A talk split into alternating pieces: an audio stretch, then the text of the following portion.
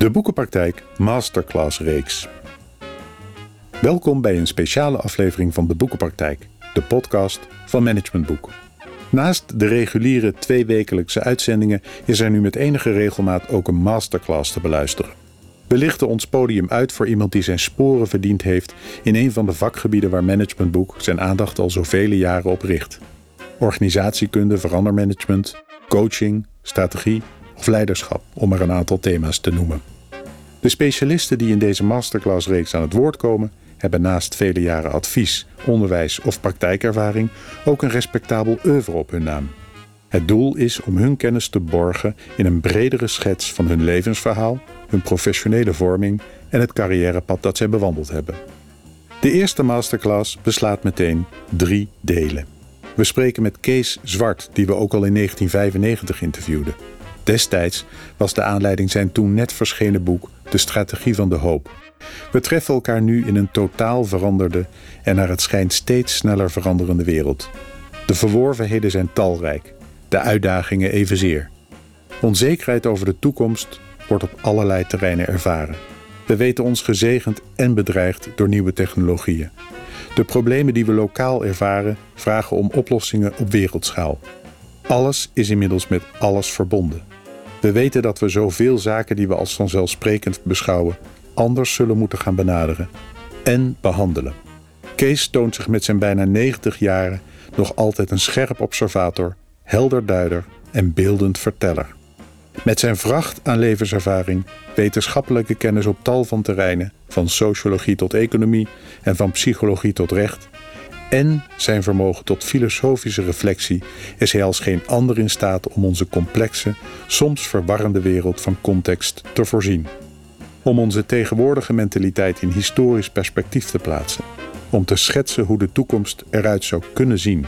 En om aan te geven of we die toekomst moeten vrezen of dat we er hoopvol over kunnen zijn. We beginnen deze driedelige podcastreeks met een korte inleidende persoonschets door Kees Zwart zelf. Voor de luisteraar een nuttige referentie voor de onderwerpen die daarna aan de orde komen. Ik ben Kees Zwart, een wereldverbeteraar die probeert visieontwikkeling te combineren met praktijkontwikkeling. Mijn levensthema is de hoop als innerlijke kracht die in de ontwikkelingsstroom wendingen ten goede stimuleert. Ik ben in 1934 geboren in Rotterdam. De Tweede Wereldoorlog is niet ongemerkt aan mij voorbij gegaan. En toch kijk ik in tevredenheid terug op mijn jeugd.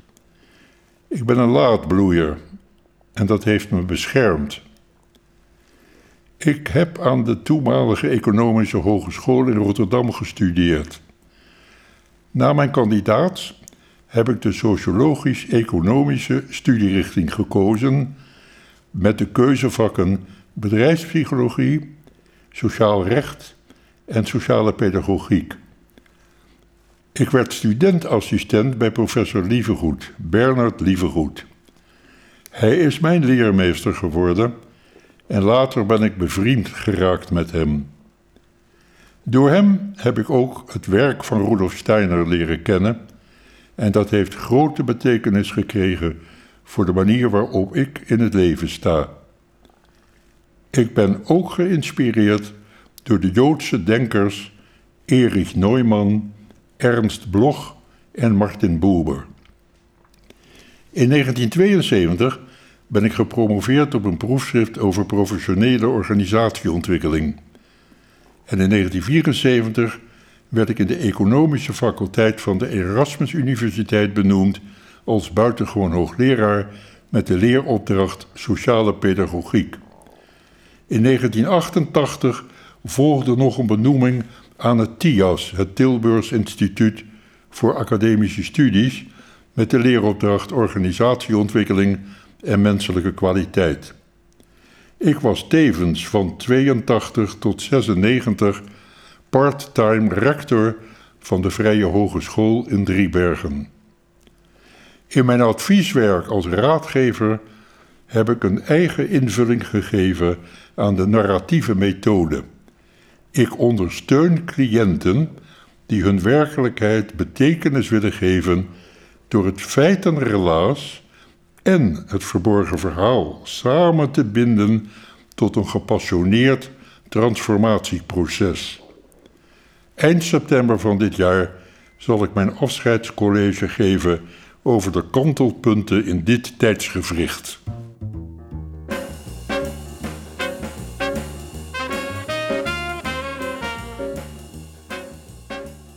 En dan nu deel 1 van deze podcastreeks, die we kunnen omschrijven als een masterclass van een rasverteller.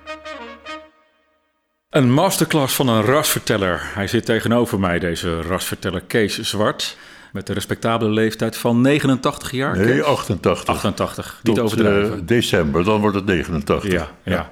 En er is nog een opvallende gebeurtenis staat je te wachten. Want over een paar maanden ga je ook definitief het land uit. Je gaat emigreren Ja, met je vrouw Julia. ja, Je gaat naar Frankrijk om Ja. de, de laatste levensjaren eh, zo, nou ja, zo fijn mogelijk samen door te brengen met je zoon en je schoondochter. ja, helaas zijn de perspectieven voor de ouderenzorg hier in Nederland zodanig verslechterd of gaan verslechteren. En we hebben een uitermate liefdevol aanbod gekregen van onze jongste zoon en echtgenoot, Ja, die echtgenoten die daar in Zuid-Frankrijk wonen, om de zorg voor ons op zich te nemen. Dat hebben wij aanvaard. En we willen die grote stap dus, dus nog zetten, ja. ja. ik moet een beetje denken aan een Cruyffiaanse uitspraak. Elk nadeel heb zijn voordeel. In dit opzicht. Ja, ja. is- Wij kennen elkaar een tijdje. We hebben al veel voorgesprekken gevoerd en ook nog een videodocumentaire gemaakt. En eh, het is wat mij betreft niet alleen maar. Jij bent wat mij betreft niet alleen maar iemand die een rasverteller is, maar je geeft ook echt college. ja. Ehm, dus deze serie van drie podcasts is eigenlijk een soort van. Ja, wat is het? Een afscheidscollege? Nee, het afscheidscollege dat komt nog op Ja. 22 september. Maar dit is een voorproefje voor dat afscheidscollege. Omdat ik in het afscheidscollege nog meer vanuit mijn echte innerlijke persoonlijke overwegingen wil praten. Terwijl dit nu toch nog een beetje, laat ik zeggen, aanhaakt bij het exoterische deel van eh, mijn gedachtegoed. Exoterische deel. Wat bedoel je ja, is het deel daar, eh, waar ik dus natuurlijk mee ben begonnen, al heel vroeg in mijn carrière. En wat ik altijd ook in hoorcolleges naar de voren heb gebracht en in voordrachten. Ja. En, eh, maar eh, daar zit een, een, zeg maar een achtergrond achter.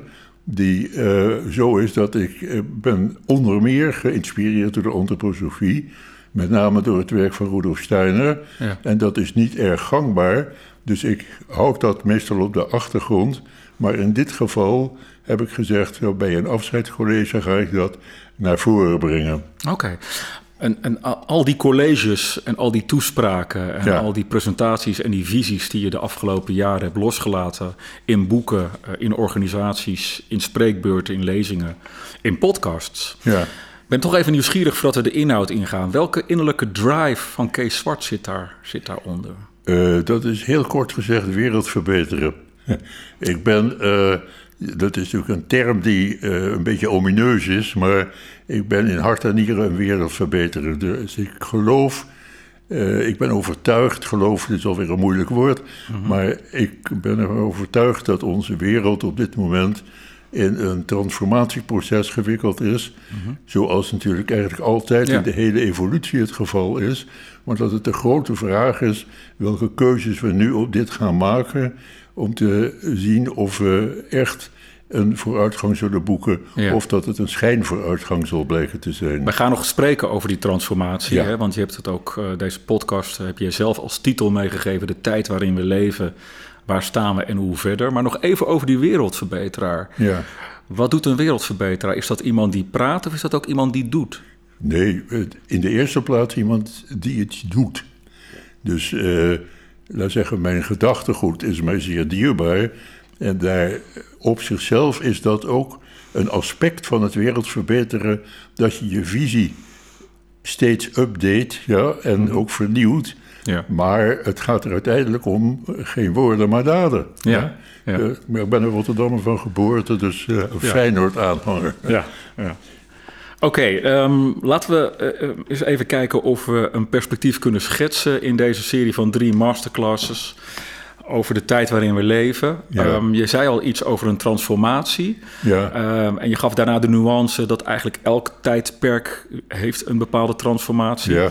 Maar toch, hè, anno drie- 2023, w- w- w- wat, wat, wat is de transformatie die, waar we nu middenin zitten? Ja, dat eh, kan je met een hele korte termijn en een hele lange termijn beantwoorden. Eh, ik neem ergens een middenpositie voorlopig in. Kijk, de hele korte termijn is gewoon wat er op eh, de dag van vandaag, dus dat is de waan van vandaag, naar voren komt en hoe je daar pragmatisch op reageert. Dat Ja. is eh, op zichzelf niet verkeerd, maar het is ook niet relevant als je een langer tijdsperspectief hebt.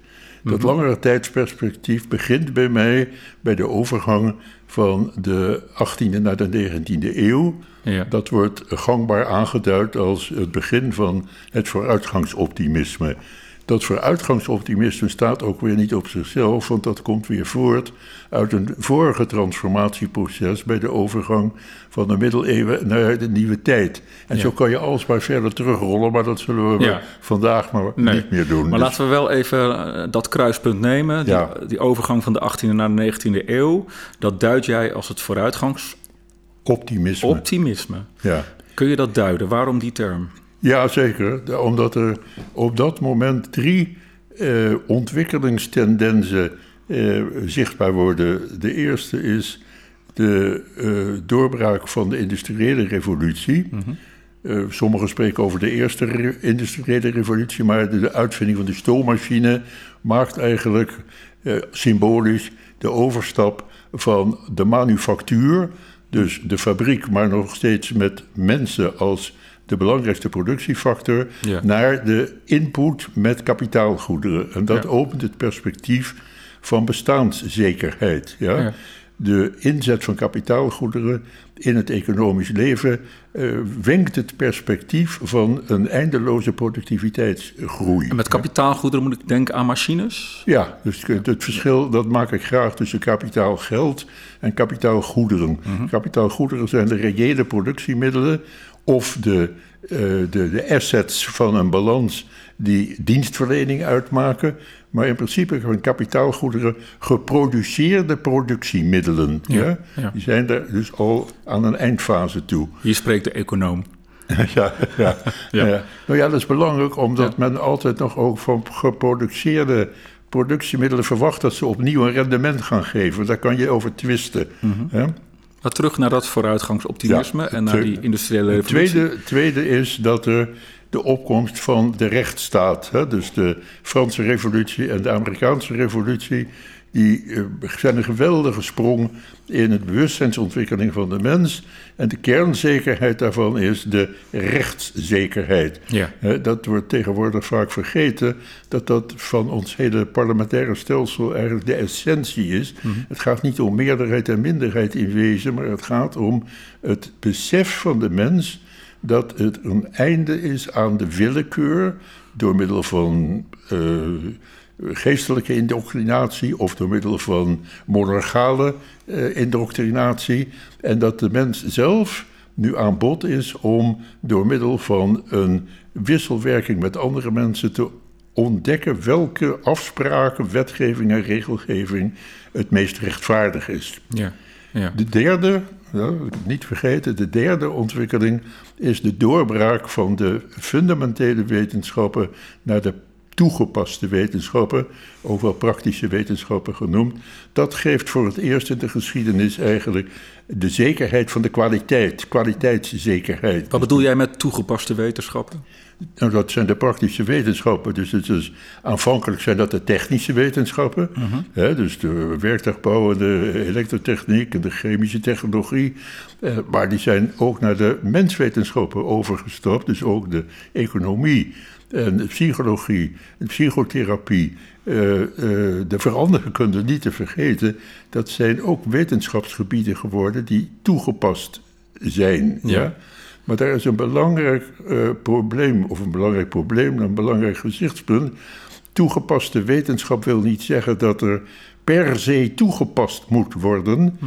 Het toegepaste wetenschap zegt, we hebben een perspectief gevonden van toepassing en dat is getoetst. Oké. Empirisch getoetst, daar kun je ook weer over twisten, maar het is getoetst. Mhm. En die getoetste zekerheid, dat is tegelijkertijd in de toepassing zelf, wat een beleidskeuze is om dat wel of niet te doen, Mhm. in de toepassing zelf komt dan terug dat de kwaliteit gegarandeerd is. Oké, dus het gaat eigenlijk over een kwaliteitszekerheid. Het gaat om een kwaliteitszekerheid, precies. Ja, ja. En we hebben dan eigenlijk drie perspectieven, noem jij het. Hè? De bestaanszekerheid, Bestaanszekerheid, de rechtszekerheid en de kwaliteitszekerheid. Dat zijn de drie zeg maar, zekerheidsperspectieven die, de, eh, eh, vooruitgangs, die het vooruitgangsoptimisme eigenlijk bij de overgang van de 18e naar de 19e eeuw aan de mensheid aan te bieden heeft. Ja, en eigenlijk als ik het dan weer even spiegel aan, aan het tijdperk waarin we nu leven, daar hebben wij nog steeds profijt van. Wij leven nog steeds toch in die periode van Zeker. bestaanszekerheid. zeker. Ja, dat vooruitgangsoptimisme. Dat, maar ik zou, eh, als ik het netjes zeg, dan zou ik zeggen dat het over zijn hoogtepunt heen is. En zeg het is niet netjes. En als ik niet zeg is, dan is het in de gevarenzone gekomen. Nog ernstiger gezegd, het vooruitgangsoptimisme heeft zichzelf gecorrumpeerd. Hey. Waarom?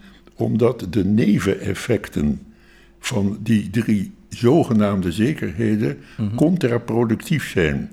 Je kan dat uiteraard bijvoorbeeld zien in het grote vraagstuk waar wij vandaag de dag mee te kampen hebben, de, eh, de, de, de klimaatverandering. Ja. We hebben zo'n roofbouw gepleegd ja, op de eh, aarde, op moeder aarde, dat moeder aarde uitschreeuwt, eh, mijn herstellend vermogen is aan een einde aan het komen. ja. nou, de- maar datzelfde zie je dus ook in de relatie met mensen. Ja, ja. in de democratie zie je hetzelfde. De grote problematiek die wij nu hebben vandaag de dag. En de roep om nieuw leiderschap. Maar ook de leegloop van de Tweede Kamer bijvoorbeeld. Dat geeft het symptoom aan dat die democratie, die rechtsstaat zoals die geworden is. Dat die eigenlijk gecorrumpeerd is. Even hoor, anders gaan we toch te snel. Ja. Je zegt eigenlijk die bestaanszekerheid, die, jij noemt het gecorrumpeerd. Ik, Ja. ik vertaal het misschien even als staat onder druk. Ja, Door het feit dat we eh, misschien wel doorslaan in die, in die onbeperkte groei en daarmee een roofbouw plegen op, ons, nou, op, ons, op moeder aarde. Ja. Zeg ik dat goed? ja dat zeg je goed. Ja, ja. En die rechtszekerheid, dat is me nog niet helemaal helder. Waar, waar- waarom is die aan het corrumperen? Zoals jij dat zo mooi zegt. Het is daarom aan het corrumperen, omdat hij in de, niet in alle landen, maar in landen waar de rechtsstaat eh, hoog wordt gehouden, geleid heeft tot een parlementaire vormgeving waar meerderheid en minderheid eh, met elkaar in gesprek zijn. Dus eigenlijk het parlementa- parlementaire debat Ja. zou daar, zeggen we, in de afweging van meerderheid en minderheid tot een rechtvaardige wet en regelgeving moeten komen. Maar de werkelijkheid is dat die eh, debatten in de regel alleen maar gaan om partijbelang. Dat betekent dat, eh, zoals het dus ook wel vaak honend wordt gezegd, the winner takes it all. Ja. dus de, de winner takes it all betekent, de meerderheid heeft het voor het zeggen. Ja. En dan wordt dus de wet en regelgeving ook gebaseerd op het belang van de meerderheid. Ja. En dat is ondemocratisch. Het is onrechtvaardig. Je corrumpeert daarmee het belang van de minderheid. Dus de, Maar is dat niet van alle tijd dat in een democratie een, een kabinet wat een meerderheid heeft van meer dan 75 zetels in de Tweede Kamer, om het maar even naar ons landje toe te trekken, dat die het, het beleid bepaalt en dus die meerderheid dus bepaalt voor de minderheid? Wat is daar corrumperend aan? Ik snap dat nog niet. Het, nou, het, het, het corrumperende is, eh, het is eh, zeker zo dat eh, de meerderheid altijd telt, uiteindelijk. Ja. Ja. dat is waar. Anders kan je geen wet en regelgeving Nee. maken. Maar de mate waarin het algemeen belang voor ogen wordt gehouden... En dat was bij de minder gecompliceerde werkelijkheid aan het begin van de opkomst van de eh, democratische rechtsstaat het geval. Ja, de werkelijkheid is zoveel gecompliceerder geworden vandaag, met zoveel meer diversiteit, met zoveel meer tegenstelling ook, dat dit geheim van hoe rechtvaardig je je besluitvorming zodanig dat niet alleen de meerderheid telt, maar dat ook de minderheid wordt meegenomen, een, een geweldig probleem is. Ja. Dus als je naar Nederland kijkt, dan zie je gewoon dat het is geen, eh, geen geen parlementaire democratie, het is een partijendemocratie. En die partijendemocratie die vechten allemaal om hun eigen belang Ja. te behartigen. Het algemeen belang is gewoon weg. Maar als ik even uitzoom en ik zoom weer even meer naar Europa en misschien wel naar de wereld, Ja. is het dan ook niet zo dat die landelijke politiek aan erosie onderhevig is en dat we eigenlijk geleid worden door de Googles en de Facebooks en de non-gouvernementale organisaties? Ja, maar eh, luister, we, de, de wereldontwikkeling gaat niet op één dag en niet overal tegelijkertijd. Dus helaas is het zo dat de opkomst, want we praten nu even alleen over de, de democratie, de rechtsstaat, ja. Ja. dat die rechtsstaat wel in, laten we even zeggen, grofweg het Westen het eerste aan bod is gekomen. En dat er ook vandaag de dag nog helaas dictatoritaire regimes zijn. Ja, dat er ja. tirannen rondlopen en Ja. dat er eh, georganiseerde misdaad is. Dat is allemaal waar, maar je kunt ook zeggen... het is misschien toch een begin van een nieuwe stap in het transformatieproces... waarbij de wereld nu voor het vraagstuk staat... gaan we verder op het pad van de dictatuur... of gaan we verder op het pad van de democratie? Aha, dus zeg je daarmee ook dat dat corrumperende ook een positief effect kan hebben in die transformatie? Zeker, zeker. Da- eh, dat eh, is een hele goede vraag, om het zo Eindelijk. te zeggen. Eh, kijk, eh, transformatie is een eeuwigdurend proces. In de veranderkunde heeft men de fout gemaakt om transformatie ook met een begin en een eindpunt te definiëren. hè. Transformeren betekent in de reguliere opvatting dat je gaat beginnen met een transformatie en je eindigt met een transformatie. Maar dat is onzin. Transformeren is een basiskenmerk van de werkelijkheid, van de evolutie. Ja. Is altijd transformeren betekent omvormen. Ja. Het Griekse woord is eigenlijk veel mooier, metamorfose. Ja? Dus het is vormoverstijgende verandering. Nou ja, dat gaat dus niet in alle landen precies op dezelfde manier en ook niet op dezelfde dag, in één dag. Dus transformatie heeft altijd tegenkrachten. Ja? Al heel vroeg in de veranderkunde, namelijk in de Tweede Wereldoorlog, toen eh Kurt Lewin, Amerikaanse sociaalpsycholoog, met de veranderkunde eigenlijk begon, noemde hij veranderkunde ook een proces van weerstand overwinnen, van drijvende en remmende krachten. Dat is inmiddels wel herzien, omdat het eh, dus is opgetild naar systeemdenken. Dus we praten nu tegenwoordig over systeemontwikkeling, maar dat neemt niet weg dat elk ontwikkelingsproces bij een mens, bij een groepering, bij een politieke partij, bij Nederland, bij de samenleving en de mensheid altijd met tegenkrachten gepaard gaat. Ja. Dus de tegenkrachten, dat zijn dus de corrumperende krachten. Corrumperende krachten zijn bij mij krachten die van het hoofdspoor afwijken. Ja. Ik zal daar misschien straks nog iets meer over zeggen. Die tegenkrachten zijn de wake-up calls, waardoor je wakker wordt. Ja. Zoals je 's ochtends wakker wordt als je je voet aan eh, je bed stoot. Oh god, ik ben wakker. Ja, Ja, Wat ja. moet ik ook alweer doen? Waar gaat het nou eigenlijk vandaag over? Ja, Ja? ja. En dat is de, het wezen van ontwikkeling. Dat het nooit rechtlijnig gaat en nooit een begin en een eindpunt heeft. Ja, oké, dat is even een mooie macro-schets, denk ik, over het fenomeen Ja. transformatie. Toch even terug dan naar die tegenkrachten. Ja. We hadden het over de rechtszekerheid die Ja. eh, onder druk komt te staan. Hoe zit het met die en bestaanszekerheid, hebben we het over gehad, hè? door die, Ja, eh, door die onbeperkte groei. Ja. Hoe zit het eigenlijk met, ehm, wat was die derde zekerheid? Kwaliteitszekerheid. Kwaliteitszekerheid. Nou, ik kan beter zeggen, wat zijn de drie grote tegenkrachten van die drie zekerheidsperspectieven die aan het eind van de 18e eeuw geboden werden? Ja? Mhm. Nou, de grote tegenkracht voor de, eh, voor de eh, bestaanszekerheid, dat is de eh, groei, de groeifixatie. Ja? Ja. De gedachte dat altijd alles meer moet zijn.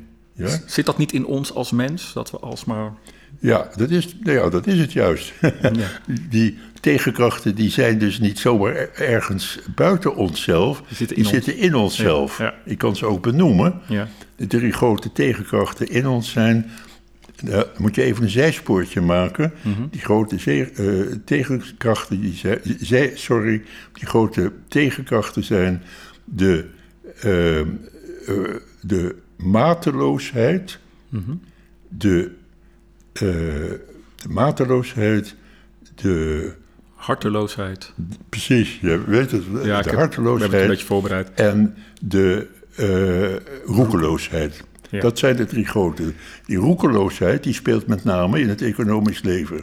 Dus risico's nemen mhm. en als het misgaat zeggen... de ander uh, heeft de schuld. Ja? Heb je daar een voorbeeld van, Kees?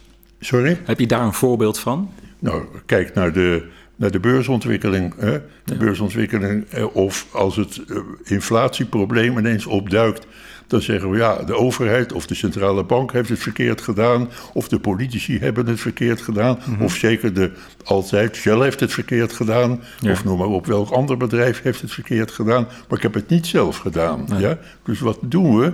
We gaan weer, ondanks corona en ondanks de inflatie die daarna is opgetreden, gaan we met z'n allen toch weer lekker vliegen. Mhm. ja? En het aantal tickets dat verkocht wordt nu is weer op hetzelfde pijl, zo niet hoger dan voor corona. Dat heeft eigenlijk ook weer een relatie met die mateloosheid. Hè? Dat we alles ja, meer, meer... dat is natuurlijk. Die dingen gaan altijd samen. Ja, ja? Dus ze zijn niet los van elkaar. In ons innerlijk leven, in mm. ons zielenleven, zijn die drie kwaliteiten of disqualiteiten, onwaarden, mhm. die zijn altijd gekoppeld. Ja, ja, ja. Dus die groeiverslaving, noem ik het maar even, in die mateloosheid, die, die heeft natuurlijk ook een effect in die roekeloosheid en andersom. Kan je nog iets zeggen over die harteloosheid? Ja, de systeemverslaving. Ja? Dus, dus, de, ja, dus de, de groeiverslaving die zit met name, heeft zijn hoofdaccent in het economische leven. Maar de systeemverslaving gaat altijd tussen mensen. Dus we hebben de neiging, ik geef een voorbeeld. Eh, of voorbeelden. We praten niet meer over de gezondheidszorg als een werkgebied, een domein waar mensen met mensen in elkaar verbinding zijn en elkaar helpen. Mhm. En vanuit hartekracht elkaar op het goede spoor helpen. Helen wat gebroken is. Maar we praten over de gezondheidszorg als een systeem. Ja. Of we praten over de uh, uh, de kraamzorg is nu bijvoorbeeld weer aan bod. Ja, Kraamzorg is een systeem en we moeten het systeem veranderen. Ja. De ouderenzorg, schoolvoorbeeld van systeemdenken. Ja? Mhm. En wat zegt de minister? De dans is nu demissionair, maar de minister zegt: ja, kijk eens, uh, de ouderen moeten nu er ook maar aan wennen dat ze zelf een zorgplan moeten maken. en dat ze vervolgens niet meer moeten erop rekenen dat de overheid hen helpt. Ja. Wat is daar, even advocaat van de duivel hoor, toch even daarop inhaken. Wat is daar erg aan? Want het zorgt er bijvoorbeeld voor, en dan gaan we even terug naar het begin van deze podcast, dat als de overheid niet meer een, een, een ouderenzorg in die mate toepast zoals we misschien gewend zijn, dat we als ouderen en omgeving van ouderen zelf creatiever worden om oplossingen te bedenken. Ja, oké. Als je dat. Jij gaat naar Frankrijk. Als je een overheid zou hebben die daar oog voor heeft en je zou ambtenaren hebben die daar het vermogen hebben om daar geleidelijk een transformatieproces in op gang te brengen. Mhm. Maar wat doen wij? We gaan dus in dat parlementaire stelsel met zijn deformatie van het partijbelang, gaan we met elkaar vechten in het parlement. Welke partij de meerderheid heeft en maken dan een wetgeving. En die wetgeving blijkt vervolgens of niet te deugen, ja, mhm of niet uitvoerbaar te zijn, of het belang van de minderheid te schaden. Dus het, je hebt wel gelijk dat op zichzelf zou de overheid juist daar een fantastische rol hebben mhm. om daar als change agent, ja, als echte change agent te werken, maar niet als regelaar en betuttelaar, of als het niet meer gaat, de wetgeving over de schutting gooien en ergens anders te deponeren. Ja? Mhm. En te roepen, ja, kijk, nu is de zelfredzaamheid van de samenleving zo groot, ze kunnen het zelf wel doen. Als, je vervol, als je eerst 30 of meer jaar hebt gepredikt dat je een verzorgingsstaat als het beste middel van alle ellende oplossing ziet. Mhm. Dat gaat niet. Mm -hmm. het, geld, het geld is misschien gewoon op. Maar je hebt op zichzelf gelijk. Uh, neem onszelf als voorbeeld. Wij hebben tegen elkaar gezegd, mijn vrouw en ik, Ja. van uh, wij willen daar uh, onze eigen verantwoordelijkheid nemen. Ja. Oké, okay, um, die mateloosheid, die harteloosheid en die roekeloosheid. Ja. Um, je schetst ze heel mooi in het huidige tijdsperspectief. Ja. Ik word er ook wel een beetje somber van. Uh, nou, we hebben het nog niet over de kwaliteitszekerheid Oh ja, de kwaliteitszekerheid. Hebben we vergeten. Ja. ja. Kijk, die kwaliteitszekerheid is ook een grote fictie. Ja? Dus we hebben ge geleerd om uh, ons te verzoenen met wat de slimste oplossing is. Ja? -hmm. uh, maar we hebben niet nagedacht over de vraag of die slimste oplossing ook de meest zinvolle oplossing is. Betekenisvolle oplossing is.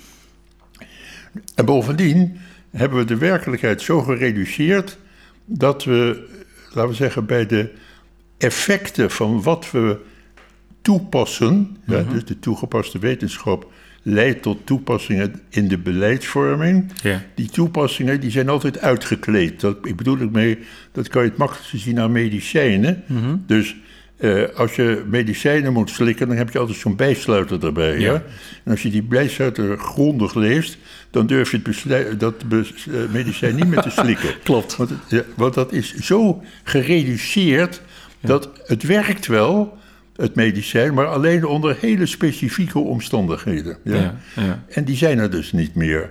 Uh, wij leerden vroeger, toen ik heb uh, onder meer dus economie gestudeerd, wij leerden vroeger in de economie een formule die luidde in het Latijn ceteris paribus, dus de overige omstandigheden gelijkblijvend. Ja? ja.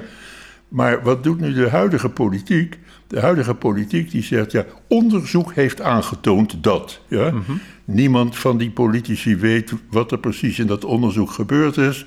Laat staan dat men kan doorgronden onder welke voorwaarden dat onderzoek gebeurd is. Betekent dat ook bijvoorbeeld, als ik het even in een voorbeeld mag schetsen, dat in de tijd van corona, toen de Tweede Kamer en met name het kabinet zich helemaal overgaf aan het Outbreak Management Team, is dat ook zo'n voorbeeld daarvan? Ja, maar daar heb ik wel, uh, laat ik zeggen, een excuus voor in dit geval omdat de coronacrisis was een crisis die onbekend was. Er waren geen ervaringsfeiten met deze aandoening. Ja. Ja? Ja. En daar kan je dus respecteren dat in die situatie er geen model is of ook geen effectberekening is kunnen maken, Mhm. waardoor men inderdaad letterlijk en figuurlijk voor het blok stond. Ja? Ja. En daar kan je alleen maar met groot respect naar kijken wat de hulpverleners toen aan mentale veerkracht hebben opgebracht om desondanks het beste ervan te maken. Ja?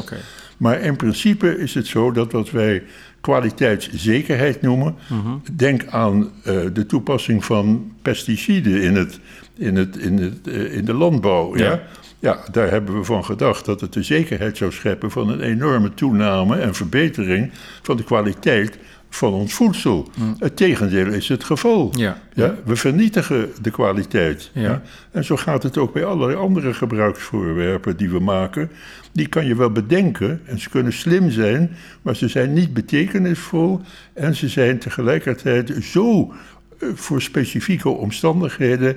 Als je een, een nieuwe tv hebt of whatever, dan moet je maar eens kijken wat er voor waarschuwingen staat in de gebruiksformulering. Ja? Daar word je doodziek van. Ja. Welke, maar dat is allemaal indekken Ja. tegen de schadelijke neveneffecten die er zijn. Ja, En een beetje de angst voor onzekerheid. Hè? Dat er iets, het is een streven naar dus die beheersbaarheid. kwaliteit die wij dus geschapen hebben, die we toepassen moet ik zeggen, Mhm. dat is een schijnzekerheid. Ja? Is dat ook niet, weer even advocaat van de duivel, Kees?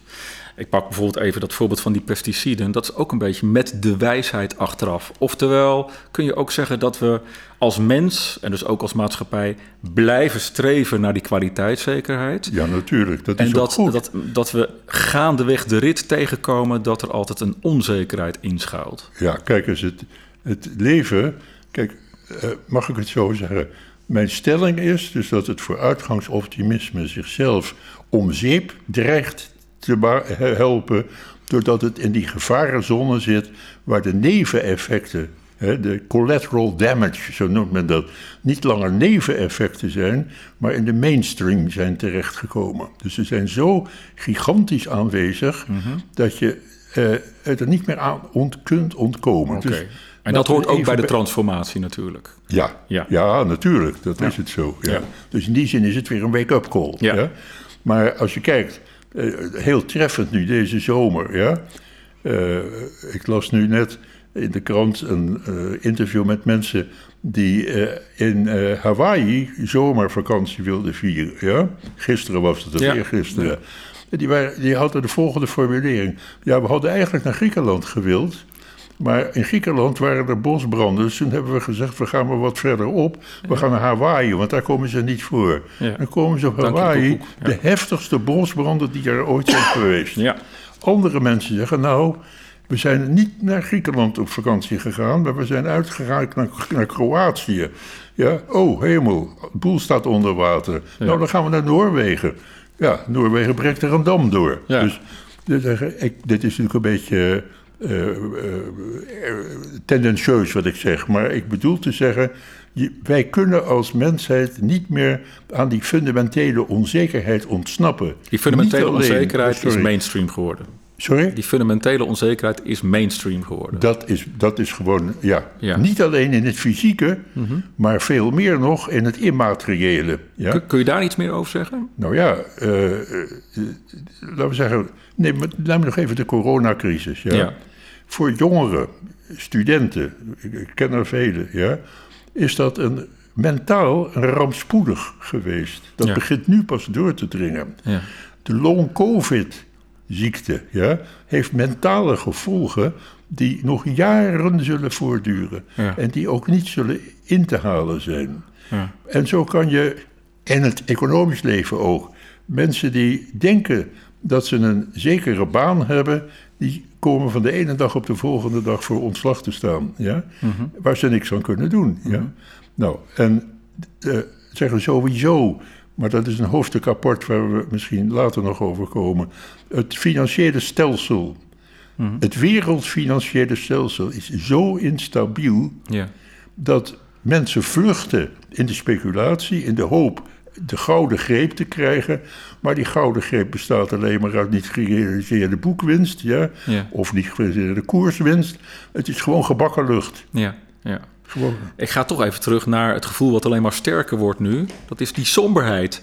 Ik word er ook al wat somber van als ik dit zo hoor. En het is een zonnige dag hier in Zutphen. Ja, Is er perspectief? ja, zeker. Maar dan, we hadden afgesproken dat we dat nog wat zouden uitstellen. Maar kijk, ik, eh, ik heb, eh, laten we als voorschot voor wat nog moet komen in deze podcast, wil ik er wel een paar noemen. Ja? Ja. Ik begin maar even met het meest omstredende van dit moment, de klimaatverandering. Ja? Eh, ik zie, of ik meen te zien, bijvoorbeeld hier eh, vlak in mijn omgeving, wij wonen in Zutphen, maar tussen eh, Deventer en Zwolle, daar is een stuk IJssel. Die IJssel, dat is een prachtig stuk natuur, Ja. is al langer door natuurmonumenten onder handen genomen. En plotseling sluiten boeren, eh, grondeigenaren, maar ook politici zich bij elkaar aan om nu die dijk op zichzelf ook meer een natuurlijk aanzicht te geven. En aan de andere kant van de dijk, ja, daar het landbouwelement en het natuurelement met elkaar te verenigen. En dat is een gewoon een particulier initiatief. Ja, ja. Dat is niet afhankelijk van een wet of een akkoord dat door de politici gemaakt wordt op rijksniveau. Het gebeurt gewoon lokaal. Eigenlijk zeg je daarmee dat het burgerinitiatief... Ja. dat komt meer in, Ja. in schwung. Kijk, het is zo. eh, het, vrijwilligers, het vrijwilligerswerk heeft altijd al gebloeid in Nederland. Maar het is zeker zo dat het de laatste jaren aan het toenemen is. Het hele buddy-traject voor mensen die bereid zijn om inburgeringshulp te bieden aan mensen die hier komen wonen. Ja? Ik weet ook wel dat de afweer tegen eh, eh, laten we zeggen, de komst van allochtonen, dat woord mag je niet meer gebruiken, maar mensen met een, een, andere achtergrond, dat dat groot is. Maar ik zie toch dat daar burgers zijn die geweldig, heel simpel met elkaar, dus van mens tot mens, met de menselijke maat, iets ter hand nemen. Nou, en daar is mijn hoop dus op gevestigd. Ja. Dat, we, dat we wakker worden ja, Ja. en zien dat er veel meer is te doen dan we denken, zonder dat de overheid daar die rechtstreeks een wetgeving voor geeft. Dus eigenlijk zeg je dus weer dat dit wake-up calls zijn om die creativiteit Ja. op, op burgerniveau Ja. te stimuleren. Eh, neem de, eh, eh, de, wat er in de wijken ge- eh, kan gebeuren. Ja, Ja, ja. Mensen die de, de wijk gaan opfleuren met elkaar en een ander aanzien geven. Ja. Eh, de burenhulp, ja? Dus, eh, de mantelzorg, neem al dat soort dingen. Tegelijkertijd denk ik ook, het is allemaal wel erg microniveau. Of Sorry? is dat tegelijkertijd denk ik ook wel, het is, wel erg microniveau. Dat zeker. En daar moeten we het net van hebben. Oké, Het is een misvatting om te denken dat we met de, eh, zeker met de, de eh, klimaatverandering, er met een, eh, een, een supranationale wetgeving opeens zullen zijn. Het moet vanuit gedrag van mensen komen. Ja? Hmm. Gedrag van mensen. Ik noem maar een concreet ding. Verspilling. Wij verspillen zoveel. Wij ook. Hè? Dus ik, ben, ik stel mijzelf niet hoger op de agenda. Maar wij verspillen zoveel aan voedsel, aan kleren. Ja, Ja, ja. Die we weggooien. apparatuur. Het, het is onvoorstelbaar. Als we dat alleen al eh, in de hand zouden nemen. We laten het licht branden in kantoren. Elektriciteit verspillen we. Maar even, hè, toch bij, bij, het, bij, het eerste, Somberheid. eh, bij het eerste ombuigingsperspectief Ja. had je het over dat je al die burgerinitiatieven ziet. Hè, die Ja. zie je al om je heen. Je hebt ze heel tastbaar aangegeven. Ja. Dat tweede ombuigingsperspectief, namelijk dat we wat, wat minder, eh, dat we wat zorgzamer omgaan met onze spullen en wat minder verspillen. Dat zie ik nog niet zo gebeuren, toch? Jawel. ik Wel. zie- ja, ja. Nou, nou, sorry. Misschien juist, dat is niet het tweede ombuigingsperspectief, want daar kom ik nog op. Maar het is een aspect van het eerste, namelijk de verspilling. Ja? Oké. En ik zie wel degelijk mensen die inderdaad eh, simplistisch leven. Ja? Ja. Of minimalistisch. Ja? Dat klinkt negatief. Maar het is voor mij vaak een, een school voor. Ik, ik heb concrete mensen voor me, ja, Ja. die inderdaad zeggen: ik hoef niet drie paar schoenen of vijf paar overhemden. Nou, maar laat ik het dan anders zeggen. Die soberheid waar jij nu op doelt, die wordt niet gestimuleerd door de politiek. Terwijl misschien die burgerinitiatieven wel gestimuleerd Ja. worden. De burger, da- da- daar zit het hem dus.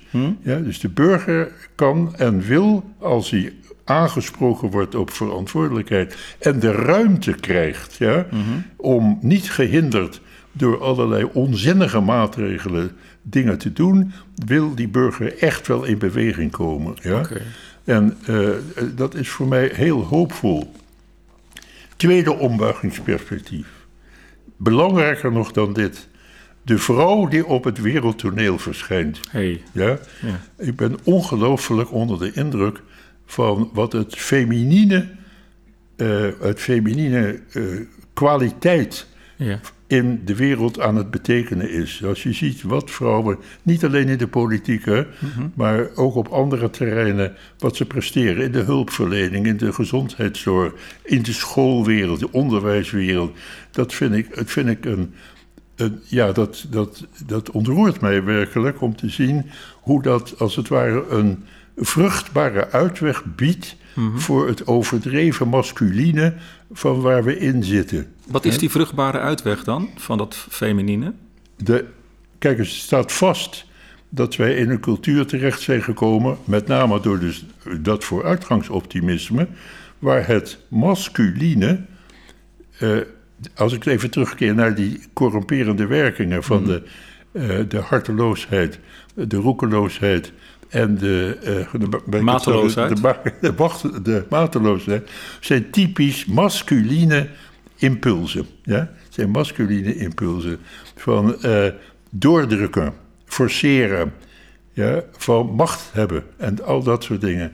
En je merkt dus, dat is aan zijn einde. Ja. Daar komen we in de tweede podcast waarschijnlijk, Ja. als we het over leiderschap Zeker. gaan hebben, nog uitvoerig op terug. Maar het is absoluut bijzonder treffend om te zien hoe het vrouwelijke element, en daar bedoel ik niet soft van eh, eh, tranen drogen of zoiets, ja, en op schoot nemen.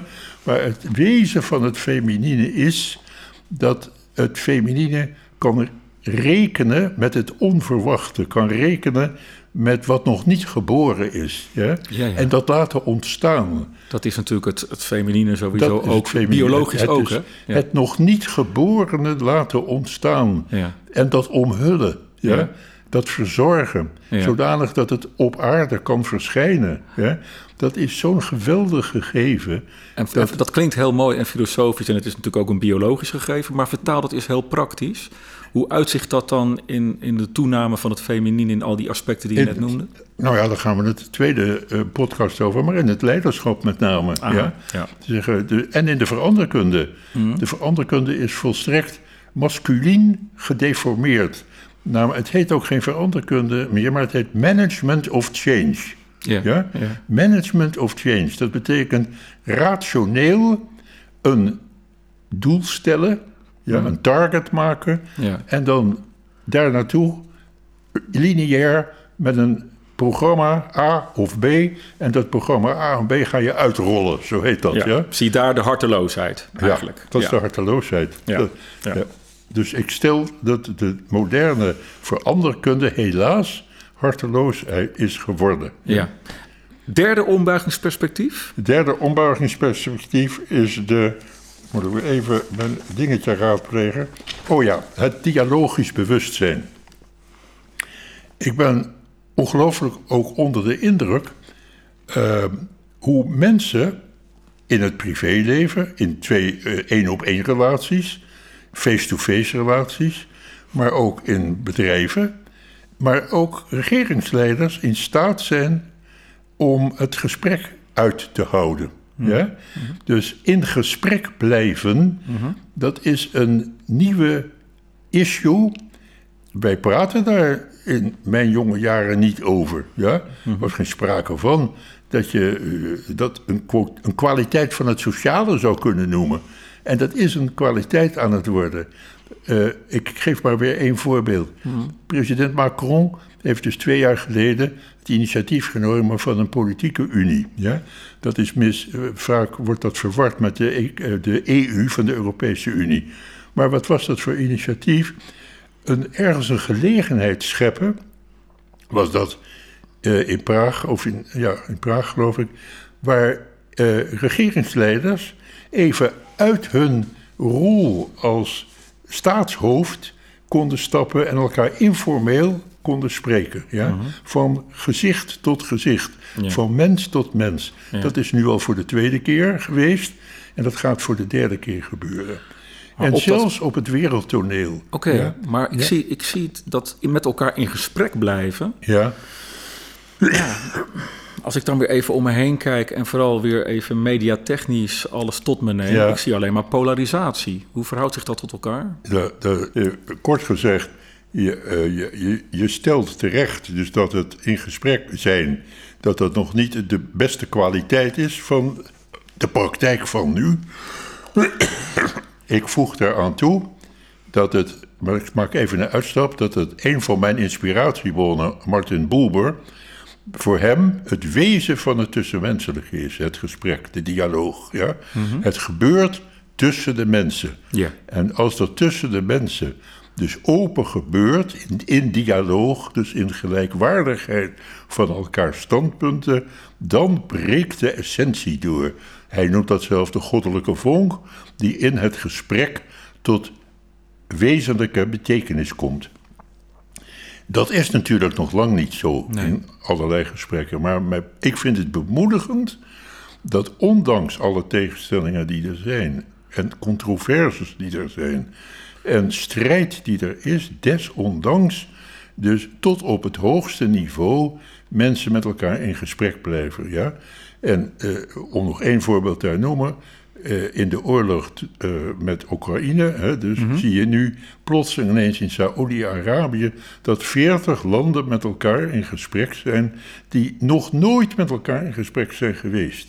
Ik zeg niet dat daarmee de oorlog voorbij is en ik praat het niet goed, maar ik kijk vanuit mijn preoccupatie met de hoop Ja. dat het een aspect is dat mij bevestigt in mijn overtuiging dat de hoop de kracht is waarmee we het moeten doen voor de toekomst. Ja. ja? ja.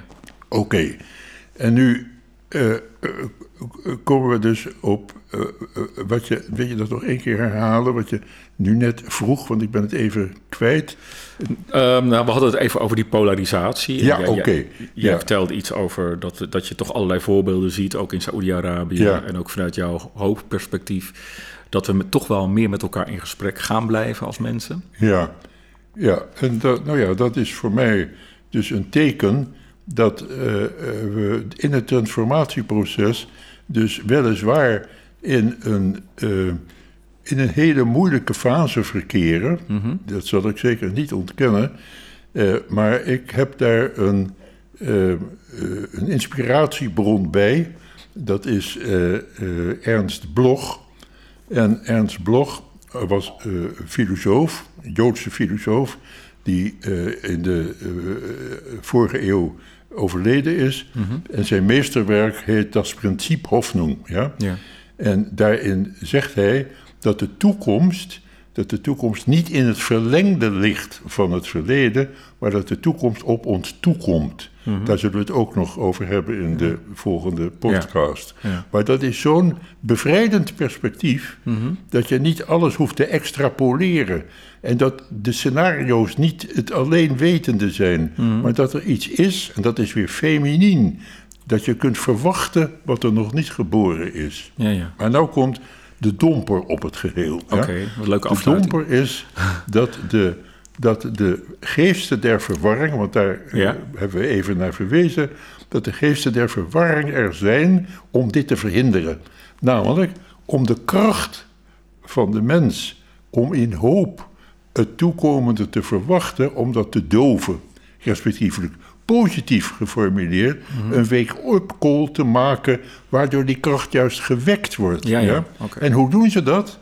Door mentale virussen in het persoonlijke en in het sociale leven naar binnen te slu- sluizen. Toen zei ik, ik ben geen viroloog, maar ik meen er zoveel van te weten dat je kunt zeggen dat een virus een wezentje of een diertje is dat zich aan de binnenkant van de cel hecht en die cel dysfunctioneel maakt. Dat wil zeggen dat die cel niet meer in het geheel van het organisme kan functioneren.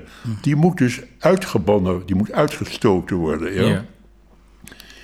En nou, als je dit beeld voor ogen hebt, dan kun je zeggen: de geesten der verwarring zijn erin geslaagd, of vinden het hen hun grote spel is, om in het zielenleven van de mens, het innerlijk leven van de mens, mentale virussen te, eh, eh, eh, naar binnen te sluizen. Ja? Ja.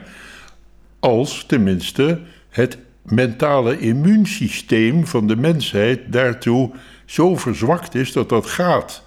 Want ook bij gewone virussen heeft, we zeggen, de, de kans van verspreiding dat het een pandemie wordt, dat is eh, eh, alleen maar gegarandeerd als het immuunsysteem van de mens of de mensheid laag is. Ja. Dus de geesten van de verwarring hebben er belang bij dat het mentale immuunsysteem van de mensheid verzwakt is. Ja. Nou, daar hebben we het net over gehad. Ja? Dat is de cor- gecorrumpeerde vooruitgangsoptimisme. Ja. Hoe gaat dat nou? Nou, het innerlijk leven van de mens heeft drie componenten: het gedachtenleven, het gevoelsleven en het wilsleven. Laat ik even zeggen, als we geen gedachtenleven zouden hebben, zouden we als zombies door de wereld gaan. Mhm. Als we geen gevoelsleven zouden hebben, zouden we volkomen dus eh, harteloos door de wereld gaan. Ja. Als we geen wilsleven hebben, zou, zou er niks veranderen. En dan gaan die virussen, die gaan zo werken. Het virus in het gedachtenleven werkt doordat het twijfel in het, gezag, in het gedachtenleven zaait. En het virus in het gevoelsleven is de haat. Ja. En het het virus in het wilsleven is de angst. Die hebben allebei hun, hun mindere, eh, nog eh, eh, eh, niet virulente eh, component. Namelijk bij de, eh, de twijfel is dat de bedenking. Hè? We hebben allemaal wel eens een keer een bedenking dat je zegt: Goh, dat klopt toch niet of zo. Maar als dat structureel wordt, dan krijg je de twijfel. Dus Ja. de twijfel is bij mij niet even niet weten waar het op aankomt, maar is continu eigenlijk niet weten wat de essentie is. Ja. De, eh, eh, eh, bij de haat, dat is ook een voorstadium, een mild symptoom. dat is de argwaan. Op zichzelf is argwaan een gezond fenomeen. Is, nog, is niet echt ziek. Maar als het echt toeneemt, virulent wordt, dan krijg je de haat. Ja? Dus structureel de ander of andere groeperingen dus niet zien zitten. En bij de angst is ook een voorstadium, dat is de tegenzin. Ja, we hebben allemaal eens tegenzin. Dus Ja, je, ja. potverdikke, moet ik vandaag weer dit of dat. Ja? Dat is nog geen angst. Maar echte angst is onmacht. De onmacht om iets te kunnen. Ja. Nou, dat is een. Als je die drie dus tot je laat doordringen, dan, mer, dan zie je dus hoe vernietigend dat is voor het innerlijke persoonlijke leven. Ja. En dat leidt ertoe dat mensen dus van hun eigen spoor vervreemden. Ja. Kijk naar de toename van de verwarde mensen op straat. Kijk naar de depressie. Kijk naar de burn-out. Al dat soort fenomenen heeft te maken met uitzichtloosheid, aangetast zijn door het virus van de twijfel, de haat of de angst. Ik zei nu dat de geesten van de verwarring werken niet alleen individueel bij jou en bij mij en bij ieder ander, maar ze werken ook in het sociale verkeer, Ja. in het maatschappelijk bestel. Ja. En daar zie je ze achtereenvolgens. We hebben ook een collectief gedachtesysteem. Ja? Collectief gedachtesysteem. Dat, dat, dat leggen we vast in, in normering, in waarden, in kernwaarden. eh, en eh, in voorschriften, regelgeving, in codes. Ja? Ja. Daar werkt de, eh, werken de geesten der verwarming door de polarisatie.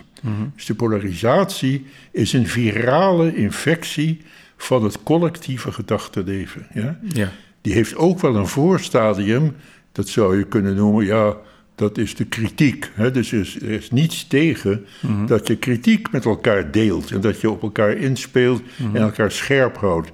Maar de, de, de doelloze polarisatie, het afrekenen ja, op iets wat een ander zegt, zonder dat je hem daarbij de gelegenheid geeft om zijn argumenten naar voren te brengen, of ze gewoon niet wilt horen. Dat is polarisatie. Ja. Dat is de werking, is een virale infectie van ons collectieve gedachtenleven. Ja. En de virale infectie van ons collectieve gevoelsleven is de discriminatie. Ja?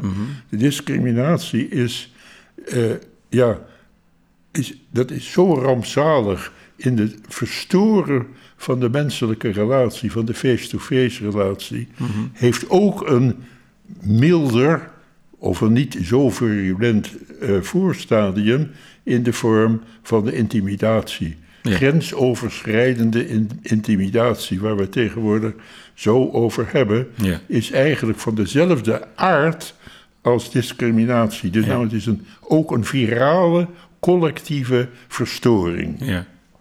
Ten slotte, in het wilsleven, ons collectieve wilsleven, wordt ge, viraal gestoord, ziek gemaakt, doordat we eh, elimineren. De eliminatie van mensen, het uitbannen van mensen, eh, maar ze ook dus innerlijk. Hè, het is ook niet alleen uiterlijk, maar innerlijk in de vorm van de zondebok. Hè, van eh, als het bij mij misgaat, dan ligt het niet aan mij, maar dan ligt het aan hem of haar. Ja? Of het ligt aan de overheid. Ja? Dus de schuld afsluiten, afwenden en niet je eigen verantwoording nemen.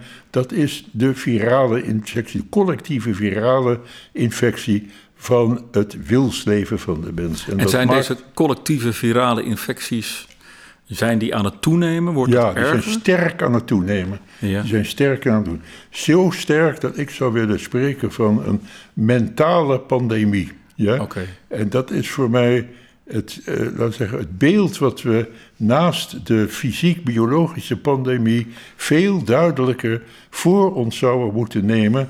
Dat daar eigenlijk het accent ligt, het sleutelpunt ligt, het draaipunt, het kantelpunt, hoe je dat ook wilt noemen, van onze transformatie naar een nieuwe samenleving. Oké, dan hebben we de coronapandemie eindelijk achter de rug. En dan komt Kees Zwart met de nieuwe pandemie. Ja, De mentale pandemie. de mentale denk ik een hele mooie metafoor. Dat, dat, ik denk dat we daar in de tweede podcast wat uitgebreider nog op ingaan. Wat die mentale pandemie is. Niet alleen maar op collectief niveau, maar ook op individueel niveau. Juist. En vooral wat daar het ombuigingsperspectief in is. Ja, ja, Want dat- ook daar is uiteraard weer hoop.